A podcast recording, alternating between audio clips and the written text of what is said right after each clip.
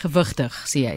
Ja, Martlies, jy weet as jy Korea hoor, moet jy vra noord of suid. Sodra jy daardie antwoord het, begin jy jou verwagtinge van die vlak van vreemdheid van 'n storie reeds aanpas.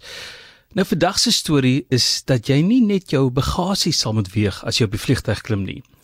Jy gaan ook moet skaal klim. Nou in die geval is daar nie boebelasting op jou kaartjie nie. As jy skaalskaam is, hoef jy nie bekommerd te wees nie. Dis glo alles anoniem. Indien nie, sal Google dit weggee met die advertensies wat jy skielik begin sien. So die storie met die skaal is dat sommige lugrederye periodiek die gewig op die vlug moet bepaal. So word vlugte van Korean Air by die eerste lughawe in die komende week gemonitor en dan by 'n tweede lughawe so oor 2 weke. Jy's dus gewaarsku. Al is dit vreemd, moet jy dit nie vreemd vind nie. Jy is gewaarsku. En as dit steeds pla, kan jy vir personeel dit sê, hulle het nie jou samewerking nie.